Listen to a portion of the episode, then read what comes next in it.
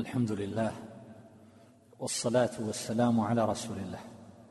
أما بعد فلا زال الحديث عن المثل المضروب في قوله تبارك وتعالى أو كصيب من السماء.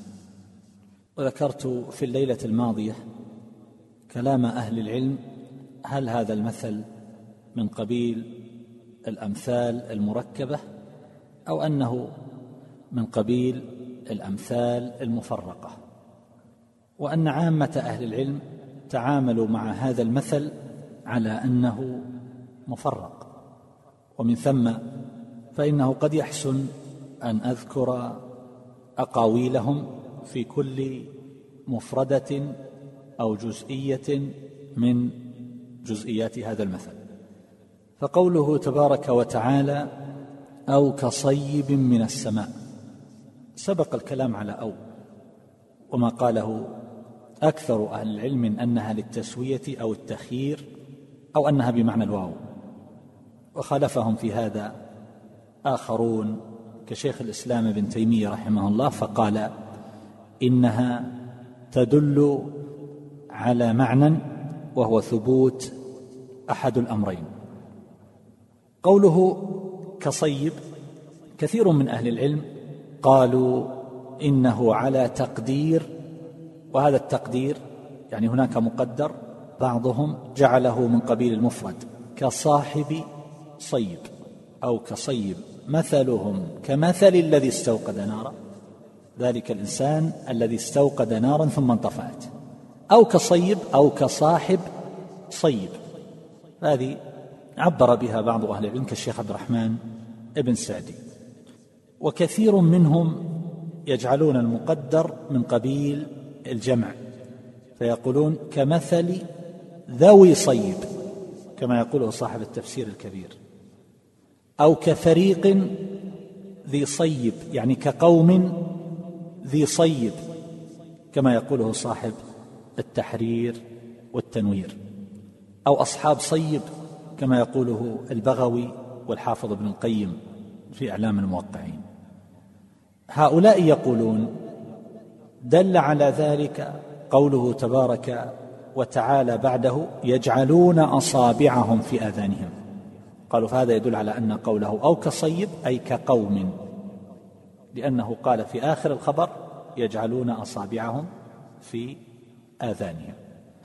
والصيب على كل حال هو المطر الذي يصوب أي ينزل بكثرة كما يقوله جماعة من أهل العلم كصاحب الكشاف والحافظ ابن القيم وأيضا الشيخ عبد الرحمن ابن سعدي والعلماء رحمهم الله يقولون سمي بذلك لأنه ينزل لنزوله قيل له صيب ولهذا يقولون صوب نظره ويقال صوب رأسه إذا نكسه ولهذا وسعه بعضهم كالبغوي فقال كل ما ينزل من السماء فهو صيب لأن هذه المادة تدل على النزول صاب يصوب إذا نزل.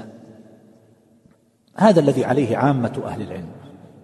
وإن قال بعضهم إنه بمعنى القصد بمعنى أن صاب يصوب إذا قصد أنها تأتي لهذا المعنى. لكن هنا في هذه الآية هو المطر وخصه بعضهم بالمطر الجواد. ولهذا جاء في الحديث اللهم اجعله صيبا نافعا. نحن عرفنا من قبل أن هذا المثل ضرب للقرآن أو للهدى الذي جاء به النبي صلى الله عليه وسلم. وإن قال بعض أهل العلم بأن المراد بذلك ما في نفوس المنافقين. قال الله تعالى فيه ظلمات ورعد وبرق. الظلمات التي تكون في الصيب من حيث الطبيعة يمكن أن نقول ظلمة يجتمع فيه ظلمة الليل إن كان ذلك بليل. وظلمة السحاب وظلمات المطر. هذه الظلمات كني بها عن ماذا؟ في المثل. جاء عن ابن عباس من طريق ابن أبي طلحة أن الظلمات بمعنى الابتلاء. الابتلاء بماذا؟ كما سبق تكاليف الشاقة البلايا التي تنزل بهم. العقوبات وما شابه ذلك. وبعضهم يقول الظلمات هي ظلمة ما هم فيه من الكفر والحذر من القتل على الذي هم عليه من المخالفة والنفاق والتخوف أيضا الذي في نفوسهم منكم. وهذا أيضا مروي عن ابن عباس رضي الله تعالى عنهما. وقريب من هذا قول من قال بأنه الضلالة. عبر عنها هنا بالظلمات. فيه ظلمات يعني الضلالات التي في نفوسهم. وهذا منقول عن الضحاك. فهذا راجع إلى القول الذي قبله. وهكذا قول من قال المراد بالظلمات الشكوك والكفر والنفاق كما يقول الحافظ بن كثير. وقيده الشيخ محمد الأمين الشنقيطي رحمه الله بالشكوك والشبه التي تعتري الكفار والمنافقين في القرآن. وهذا يتأتى على تفسير الصيب بالقرآن. فيه ظلمات ورعد وبرق هو ما يقع في نفوسهم من شكوك وشبهات وما إلى ذلك. أو أنه ما يعتري المنافقين عند سماعه فعبر عنها بالظلمات كما تعتري السائر في الليل في حال المطر والغيم فتنحجب عنه النجوم فلا يميز ولا يبصر ولا يعرف الاتجاهات والطريق التي يسلكها. فيه ظلمات. وعلى كل حال هؤلاء من أهل النفاق يحصل لهم مع هذا الصيب أمور لا تلائمهم من شبهات وشكوك ومن أيضا مخاوف ومن تكاليف شاقة. ثم قال ورعد فهذا الرعد من أهل العلم يقول هو ما يزعج القلوب من الخوف. فأهل النفاق في غاية الخوف والفزع كما قال الله عز وجل يحسبون كل صيحة عليهم. قال ويحلفون بالله إنهم لمنكم وما هم منكم ولكنهم قوم يفرقون يعني يخافون. لو يجدون ملجأ أو مغارات أو مدخلا لولوا إليه وهم يجمحون. من شدة الخوف لو يستطيع يذهب إلى مكان بعيد خالي من الناس في مغارة في كهف لفعل. فهذا المعنى تفسير الرعد بالمخاوف التي في نفوسهم هو الذي اختاره الحافظ بن كثير. رحمه الله وجاءت عبارة ابن عباس رضي الله تعالى عنهما هكذا. فيه ظلمات ورعد قال تخويف. تخويف يعني آيات الوعيد التي في القرآن. فهذا مغاير للقول الذي قاله ابن كثير. يختلف عنه. ابن كثير يقول هي المخاوف التي في نفوسهم ابن عباس يقول تخويف. فيه ظلمات ورعد. ورعد يعني تخويف. آيات الوعيد. وما شابه ذلك. لكن بين القولين ملازمة.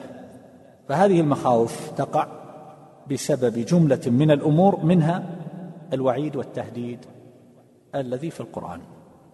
وإذا كان بين القولين ملازمة ويمكن الجمع بينهما فلا إشكال. فيرجع ذلك إلى الخوف الذي في نفوسهم. ولهذا نجد من أهل العلم من يذهب إلى هذا. يقول هي قوارع القرآن هي زواجر القرآن. ثم يقول في آن واحد فهذا تشبيه لجزع المنافقين من آيات الوعيد فشبهوا بحال هذا الإنسان القائم تحت المطر يسمع الرعد والبرق وفي حال من الظلمات فهو يخشى على نفسه وعلى سمعه. أيضا يخشى من الصواعق ويعشيه البرق حينما يلمع بقوة. ثم يعمى عليه الطريق إذا انقطع ذلك الرعد. والله تبارك وتعالى مثل قوارع القرآن أو حينما يذكر الوعيد والتهديد في كتاب الله عز وجل قد يعبر أحيانا بالصاعقة ويراد بها صاعقة حقيقية. هذا من جملة التهديد والوعيد كما قال الله تبارك وتعالى فإن أعرضوا فقل أنذرتكم صاعقة مثل صاعقة عاد وثمود. وتوعد الله عز وجل الكافرين والمنافقين. وأهل الكتاب قال من قبل أن نطمس وجوها فنردها على أدبارها أو نلعنهم كما لعنا أصحاب السبت. وهكذا في قوله إن هو إلا نذير لكم بين يدي عذاب شديد. وفي حديث جبير بن مطعم رضي الله تعالى عنه قبل إسلامه كما في الصحيح أنه سمع النبي صلى الله عليه وسلم وهو يقرا في المغرب بسورة الطور. فلما بلغ هذه الآية أم خلقوا من غير شيء أم هم الخالقون؟ إلى قوله المسيطرون. قال كاد قلبي أن يطير. خاف. فالقرآن فيه من هذه القوارع والزواجر. وقال عن المنافقين يحسبون كل صيحة عليهم. فبعض الآيات بعض هذه القوارع توعد الله بها الكافرين وبعض هذه توعد بها المنافقين والعبرة بعموم الألفاظ لا بخصوص الأسباب. هذا الرعد. وأما البرق فمن أهل العلم من يقول المراد به هنا هو ما يلمح في قلوب هؤلاء الضرب من المنافقين. هذا النوع من المنافقين اللي عندهم تردد. ما يلمح في بعض الأحيان في قلوبهم من نور الإيمان. فهم يتقلبون ويترددون ويتعثرون.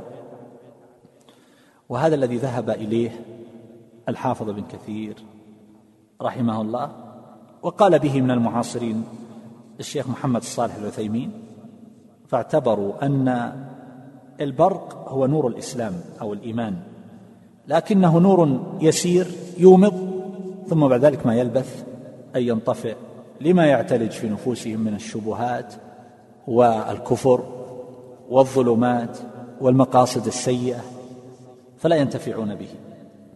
فإذا أضاء تقدموا خطوات ثم بعد ذلك يحصل لهم تعثر فتظلم نفوسهم. فهذا هو سيرهم وحالهم مع الله جل جلاله وحالهم مع الإيمان.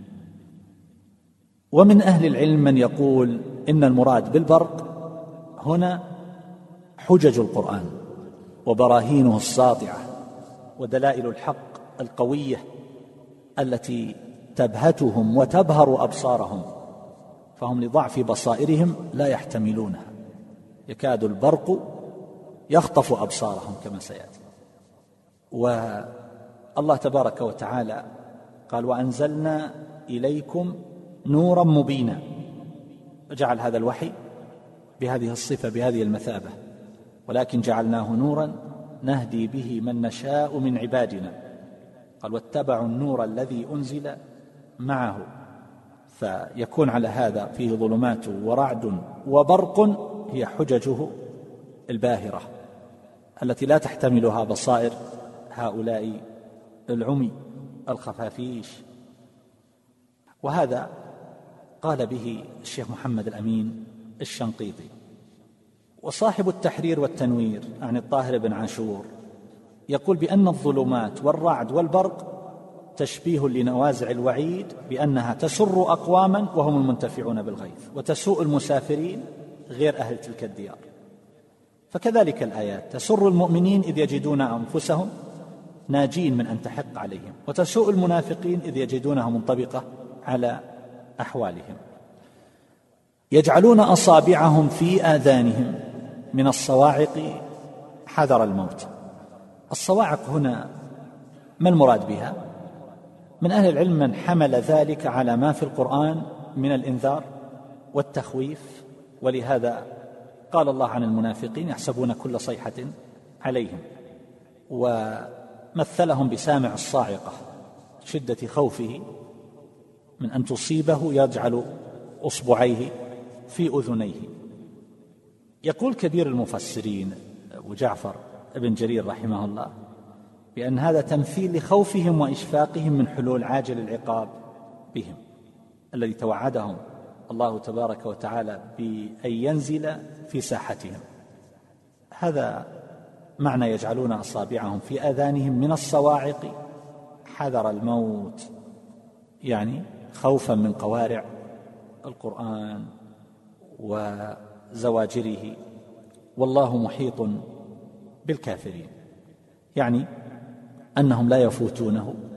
كما أن ذلك الذي يضع أصبعيه في أذنيه خوفا من الصاعقة لا يمنعه ذلك من إصابة الصاعقة. فليس ذلك من أسباب النجاة. يعني الإنسان الذي يسمع الرعد الشديد ويضع أصبعيه في أذنيه ولربما أغمض عينيه من شدة الخوف منها. هل ينجو بذلك الفعل من الصاعقة؟ الجواب لا.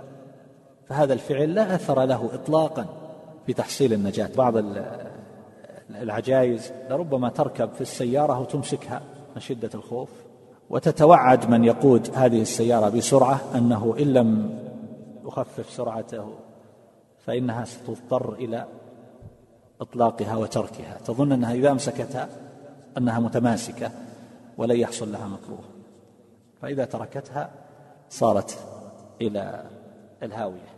فمثل هذا اللي يضع اصبعين كذلك أيضا. لا يغني ذلك عنه شيئا ولكن الخوف يحمل الإنسان أحيانا على بعض التصرفات دون أن يشعر.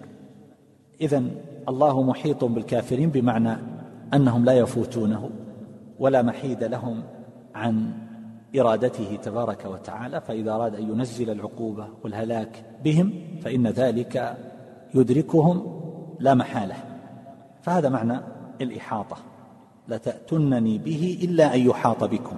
يعني أن تقع بكم هلكة تقعون في أمر لا مخرج منه ولا مخلص.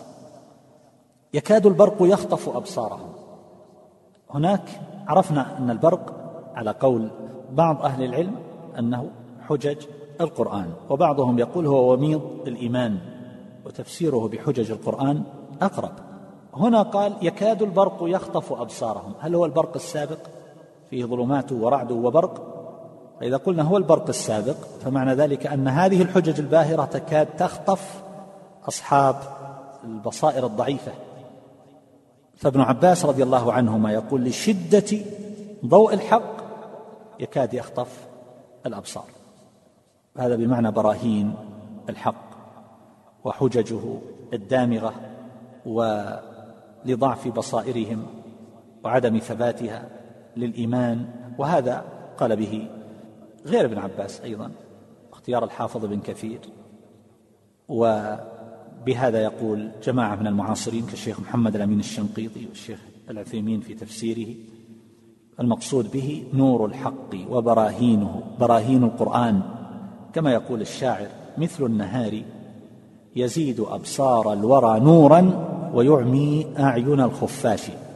أو يعشي أو يعمي أعين الخفاش. قال الآخر خفافيش أعماها النهار بضوئه ووافقها قطع من الليل مظلم. فهؤلاء تعميهم هذه الحجج.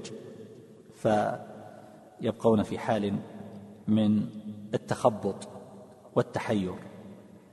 والله تبارك وتعالى جعل الكافرين بمنزلة العمي وجعل أهل الإيمان بمنزلة البصير.